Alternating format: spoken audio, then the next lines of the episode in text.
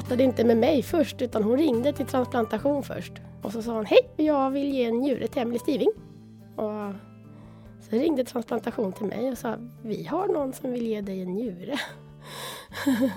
det var väldigt häftigt. Dygnet runt, alla dagar. Ett av Nordens största sjukhus.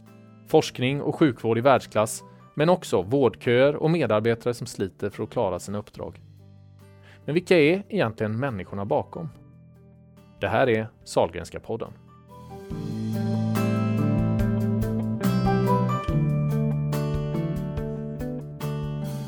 Jag heter Anders Goliger och är kommunikationsdirektör på Sahlgrenska universitetssjukhuset. I den här podden intervjuar jag medarbetare men också patienter och andra som påverkar vår sjukhusvardag i regionen eller på nationell nivå. Jag hoppas att kunna göra plats i podden för goda historier från sjukhuset och intressanta forskningsresultat. Första gäst är en av våra patienter, ja. Emily Stiving. Hej hej! Hej! Du har varit patient på Sahlgrenska universitetssjukhuset i många år och du har sjukdomen cystisk fibros. Ja. Uh, hur känns det att vara Sahlgrenska poddens första gäst? väldigt spännande måste jag säga. Jag har aldrig varit med i en podd så det är min första podd också. Det är kul. Du, du kommer precis, eller är på, precis på väg till en undersökning på sjukhuset här idag. Jag har precis varit och gjort en, ett hals eller sånt här luftvägsblock för jag har lyckats bli förkyld igen. Vad, vad är det du har gjort? Vad är, vad är det? Ett luftvägsblock? Eh, då tar de eh, sån här liten pinne i svalget och i näsan och ser vad jag har, om jag har något virus. Det gör i alla fall inte ont. Det är inte så många undersökningar man kan säga det om, men det gör inte ont. Brukar det göra det när du är här?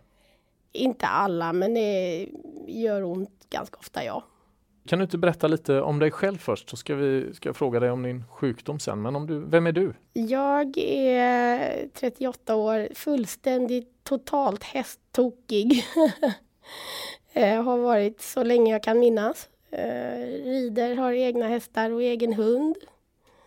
Eh, sjukpensionär, så jag går omkring hemma hela dagarna i stort sett och gör det jag orkar. Och eh, en anledning är ju din sjukdom då, cystisk fibros. Ja. Vad, vad är det för något? Det är en genetisk defekt får man väl säga, eh, som gör att jag har för hög salthalt i kroppen så att alla kroppsvätskor är för sega och saltet kan inte gå igenom cellväggarna som det var tänkt från början. Så att det, det bryter ju ner organ och, och allt möjligt. Gör det.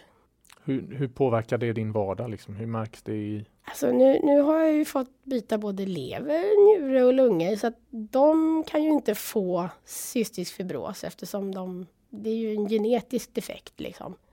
Så att på de bitarna så mår jag ju otroligt mycket bättre. Men om man säger innan jag fick mina lungor, min cystisk fibros sitter ju mest i lungorna. Eller satt mest i lungorna. Och eh, jag har ju under nästan 20 års tid gått med konstant astma. Men det förstod inte jag förrän jag fick nya lungor. Det var kanske lite tur det. Det har ju gjort att jag har fått diabetes och fick byta eller levern först. Sen så gav mina njurar upp, så då sa vi nej. Jag hade nämligen fått en kompis att gå med på att ge mig en njure. Så då så sa vi det att då, då tar jag min nya njure istället och så hoppas vi på att det funkar. Och det har det gjort. Så då är det tre transplantationer du har genomgått? Japp. Jag har två levande donatorer och så en död. Har jag. Wow, hur känns det? Eh, alltså, det är jätteläckert. Faktiskt. När jag fick min njure, det var nästan lite rolig historia. Jag var ganska dålig en dag. Och så skrev jag på Facebook, kan inte någon ge mig en njure? och då tog det bara några dagar uppenbarligen så ringde min kompis till transplantation. Och så sa hon, hej, jag heter Anna och jag vill ge en njure till Emelie Stiving. Och hon pratade inte med mig först utan hon ringde till transplantation först. Och så ringde transplantation till mig och sa, vi har någon som vill ge dig en njure. Det var väldigt häftigt. Vad tänkte du då när du fick samtalet? Jag blev ganska chockad måste jag erkänna. Alltså, hade det varit typ mamma eller en släkting, då hade man inte blivit så förvånad. Men när en nära vän bara liksom ringer till transplantation och säger jag vill ge bort min njure. Det var väldigt starkt. Man har nästan blivit lite sur liksom. Kunde du inte ringt mig först eller? Nej, men jag, jag kan förstå henne faktiskt. För de får ju genomgå grundlig genomgång och de får ju prata med kuratorer och allt möjligt innan det liksom är spikat. Eh, och jag förstår att hon ringde till dem först faktiskt. Du, kan du berätta om du går tillbaks i, du är ju född med den här diagnosen, men när förstod du själv att du var sjuk? Då var jag inte så gammal, vad kan jag ha varit, fyra, fem kanske? Fem var jag nog. När jag liksom kopplade att det är inte alla som äter så här mycket mediciner och behöver göra så här mycket andningsgymnastik varje dag. Men samtidigt så är jag faktiskt tacksam att jag är född sjuk. Jag har aldrig varit frisk. Jag vet inte hur det är att vara fullt frisk och orka som en fullt frisk människa eller sådär. Utan jag har ju alltid fått jobba ut efter mina egna förutsättningar. Och det tycker jag, jag tror faktiskt att det är en fördel. Hur var det att vara, vara barn liksom när du märkte att du var annorlunda? Liksom? Alltså det, jag är nog ganska så stark och, och envis och egensinnig så att jag tyckte nog inte att det var så himla hemskt. Faktiskt. Jag hade ju mina hästar och mina hundar och tyckte liksom att livet är rätt fantastiskt som det är ändå. Vad tänker du? Det är många av oss som ibland kan beklaga sig över vardagen sådär. Det är, sådana är vi väl alla men, men eh, vad tänker du när du hör människor klaga över ja, slask eller? Ja, ibland. Det, det beror lite grann på hur jag mår själv. Mår jag liksom väldigt dåligt och någon klagar på att de har lite ont i huvudet, då kan jag bli lite irriterad. Men annars så tycker jag att jag kan förstå att folk klagar på petitesser, för det gör jag också ibland. Tycker liksom att fan vad det är slaskigt ute eller måste det regna idag? Det klagar jag ju också på. Fast jag kanske har ett annat perspektiv på lite ont i huvudet än normal Svensson. Tror du att sjukdomen har gjort dig stark? Liksom? Ja, det tror jag. Det tror jag. En konstig grej att säga nästan, men det, det, det känns så när du pratar om det på något sätt. Ja, men jag tror att alltså, man måste, eller jag tycker för min del att man måste försöka vara positiv. Och försöker man vara positiv, då blir man stark. Jag tycker att sjukvården här på Sahlgrenska är fantastisk. Det tycker jag. Alltså 99,9 procent av alla sjuksköterskor man träffar när man ligger inne är jättegulliga och flexibla och gör så gott de kan. Det är inte alltid att de kan till exempel ta bort all smärta. Men de försöker i alla fall. Eh, och jag tycker att eh, jag tror inte jag har träffat någon läkare som jag inte tycker om faktiskt. Eh, som senast när jag fick eh, ett eh, anfall av AVNRT, så att hjärtat fladdrar. Det är inte farligt, men man ska inte gå så för länge. Och det var ju självklart, sent en söndagkväll var det. Och då kunde vi ringa till transplantationsmottagningen och få tag på en läkare som sa till ambulanspersonalen att kom till oss. Då kom jag in här på akuten här nere och det var nog det snabbaste akutbesök jag någonsin har varit med om för jag var hemma på två timmar. Eh, och alltså då, det var faktiskt riktigt, riktigt bra. Och den hjärtläkaren som jag träffade, han, han var jättesnäll och jättetrevlig. Så att eh, det, då, det gillade jag. Var det någon du hade som Jag har aldrig träffat, honom förut, nej. Aldrig. Men, eh, nej, men han kom in där och var lugn och han var trevlig och han pratade mig igenom det han ville göra och så gjorde han det och sen var jag frisk. så att det var helt fantastiskt. Var det. det du beskriver är ju på något sätt, för det var min nästa fråga, vad, vad är det du som patient har för behov när du får vård här? Liksom? Vad är det du behöver? Vad är viktigt för dig? Alltså det, det är väldigt viktigt att läkare och sjuksköterskor lyssnar på vad man har att säga och det gör de. Och sen tycker jag att det är otroligt viktigt att de förklarar vad det är de tänker göra.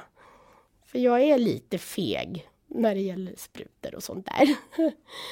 Eh, men om man liksom har fått det helt förklarat för sig i förväg och de säger ja men det kan kanske göra lite ont eller nej det kommer inte göra ont. Så man är förberedd på vad de tänker göra.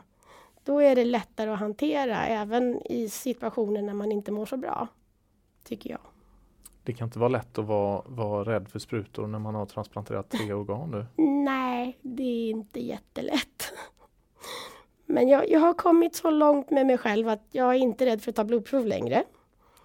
Och sådana här äh, små sprutor i magen och sådär, det är helt okej. Okay. Men när de kommer med och ska göra någonting annat med lite större nålar, då vill jag helst springa någon annanstans. Du, när är det som tuffast för dig? Alltså nu är jag ju relativt nytransplanterad med mina lungor. Det är ju bara tre månader sedan lite drygt. Eh, men innan dess så var det ju när man hade väldigt svårt att andas. Det, det var väldigt jobbigt.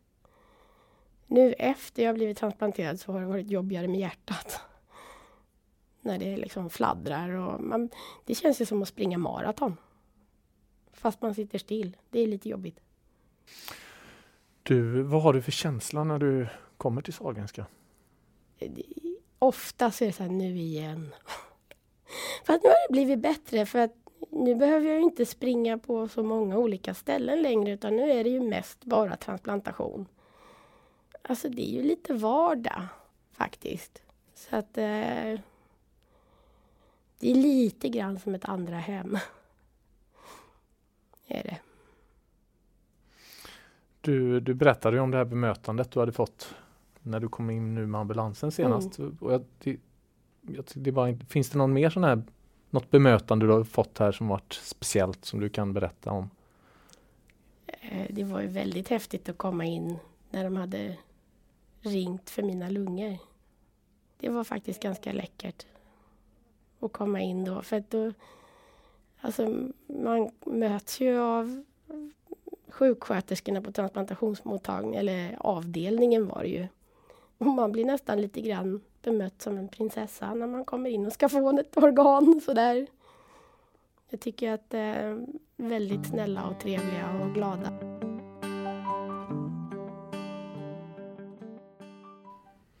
Finns det någon gång du har fått ett bemötande som, som kanske inte känts så bra? Nej, Nå någon gång har man ju kommit in för att kanske läggas in på någon avdelning och de har haft väldigt mycket att göra så att man har känt sig lite bortglömd. Eh, men det är Samtidigt jag accepterar det lite grann för jag vet att de har otroligt mycket att göra. Oftast mer än vad de egentligen har tid till. Så är man inte liksom jättedålig när man kommer in så tycker jag att det får väl vara ganska okej då. I en sån situation, om du är, känner dig lite bortglömd, liksom, vad, vad, vad, behö, vad hade du behövt? Vad behövs för att inte känna sig bortglömd? Vad är, det, vad är det personalen skulle behöva göra så att säga? Ja men till exempel svara lite fortare ibland på när man ringer på dem om man ligger på rummet. Att ibland tar det lite för lång tid. Eh, och några gånger när jag har varit inne så, så har det tagit lite för lång tid innan de har fått tag på en jourläkare och sådär. Men jag menar, det är samma sak där. Ni har otroligt mycket att göra. Och jag förstår det. Och är man liksom inte döende så får man väl kanske stå tillbaka lite ibland. Det, det är ju fantastiskt att du har den förståelsen och det, det det kan man inte begära att alla kan ha kanske nej, heller. Nej. Men, men eh, det är också värdefullt att höra, kanske just för att du är så positiv, att höra ja, men, Se det som tips till coachen. Liksom. Ja. Vad, ska, vad, vad, behövs? Vad ska personalen göra för att liksom, lyfta dig i en situation kanske när du känner dig bortglömd eller när du har ont? Eller? Ja men det är ju bara liksom korta ner väntetiden lite granna om det är möjligt. Det är väl mest det. Sen så får jag i och för sig säga att eh, när jag låg på transplantation och hade fått mina nya lungor så vart det lite strul med, med smärtlindringen. Eh, jag hade ovanligt ont Man brukar inte ha så ont som jag hade. Eh, och då tycker jag att de var kanske lite långsamma på att koppla in smärtteamet. Det tog en hel dag och jag ville i stort sett hoppa ut genom fönstret och dö. Var hade du ont? Jag hade jätteont i bröstkorgen och ryggen, men det var inte så konstigt. Så där hade jag velat att de hade varit lite snabbare på att ringa smärtteamet. För smärtteamet själva var fantastiska. Du har ju genomgått flera transplantationer. Ja. Eh, vad minns du av ingreppen? Alltså själva ingreppen i sig minns man ju inte någonting av. Jag minns när jag, om man börjar med levern som jag gjorde först, så fick jag ju 60% av mammas lever faktiskt. Och det jag kommer ihåg som var värst, det var när vi låg nere på preop och de rullar iväg mamma och jag ligger kvar. För de öppnar ju henne först för att se att det liksom såg ut som det gjorde på alla undersökningar i verkligheten. Och eh, det var nog första gången som jag faktiskt blev rädd. Vad blev du rädd för då? Jag förlorade mamma. Jag var aldrig rädd för att dö själv, men jag var rädd för att det skulle gå fel med mamma. Men eh, då, då var de snabba på att ge mig lite lugnande. Var de, för då började jag gråta och då tyckte de lite synd om mig där nere. Och sen så kommer jag ihåg att jag hade otroligt ont i ryggen när jag vaknade så jag var väldigt snabb upp ur sängen. Och jag kommer ihåg att sjukgymnasten var där nere och sa, ska det vara så jäkla svårt att få hit en stol? För jag ville upp och sitta och de bara, nej men hon är ju precis nyopererad och de bara, nej hon vill ha en stol, kom hit med en stol. Så fick jag en stol. Men du, en annan del i din rehabilitering nu efter sista då, den var ju väldigt speciell. Ja, jag red mycket. Det har jag gjort efter alla faktiskt. Eh, det, det kommer jag också ihåg från när jag blev levertransplanterad så frågade jag så här, ah, när får jag börja rida igen? Och de bara, ja, du får vänta sex månader efter vi har skrivit ut dig. Och då var det precis som att, då tänkte jag så här, men varför gjorde jag det här? Det var väl dumt. Ska jag inte få rida på sex månader? Men så, så frågade vi runt lite och så sa de, ja nej men du vet du får inte ramla av. Jag bara, men ramla av har jag väl inte tänkt att göra. så att jag måste erkänna att jag red första dagen hemma. Faktiskt. Och så var det väldigt roligt för att när jag kom tillbaka på något återbesök typ ett halvår senare så tittade, jag kommer inte ihåg vilken läkare det var, men läkaren tittade på mig och så sa hon så här. Jag tror inte jag vill veta när du började rida. Och jag bara, nej, det vill du inte. Jag tänker, du har också en allvarlig sjukdom och, och hade du varit född, i en annan tid på något sätt så var ju det här en sjukdom som ja, man det... kanske inte överlevde så länge. Du, Nej. Det, det, vad, vad, tänker du kring det, liksom, att sjukvårdens utveckling på något sätt? Ja men den är ju ganska fantastisk måste jag ju säga. För när jag föddes 79 så var den medellivslängden för en patient med cystisk fibros 18 år. Eh, och jag har ju stått i dödens väntrum ett antal gånger både på grund av min CF och på grund av att jag behövt bli transplanterad. Och jag har sparkat lite grus i ögonen på dem och gått vidare ändå. Så att det... Jag tror att man blir ganska så stark av att få nya organ. Alltså man får ju ett nytt liv varenda gång. Det är ju helt fantastiskt. Är det. Tänkte du något speciellt när du passerade 18-årsdagen? Ja, jag skrattade lite grann och sa haha, tji fick ni. nu tror jag att medellivslängden är någonstans runt 50. Men nu har jag ju inte CF i lungorna som var sjukast så nu kan jag ju bli hur gammal jag vill.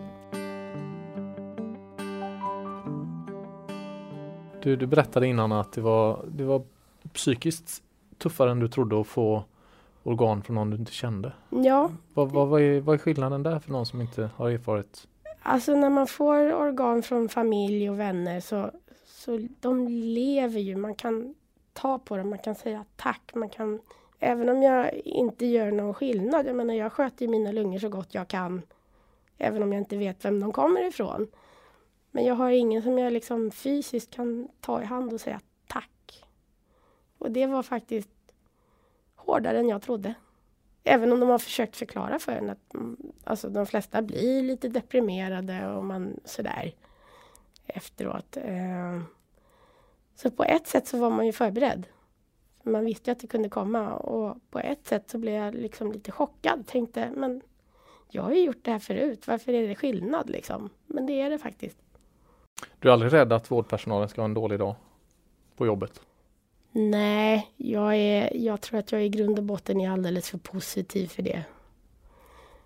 Eh, och sen så tycker jag ändå att jag har ganska så bra koll själv så att man kan dra i handbromsen om man känner att det här var inte riktigt rätt.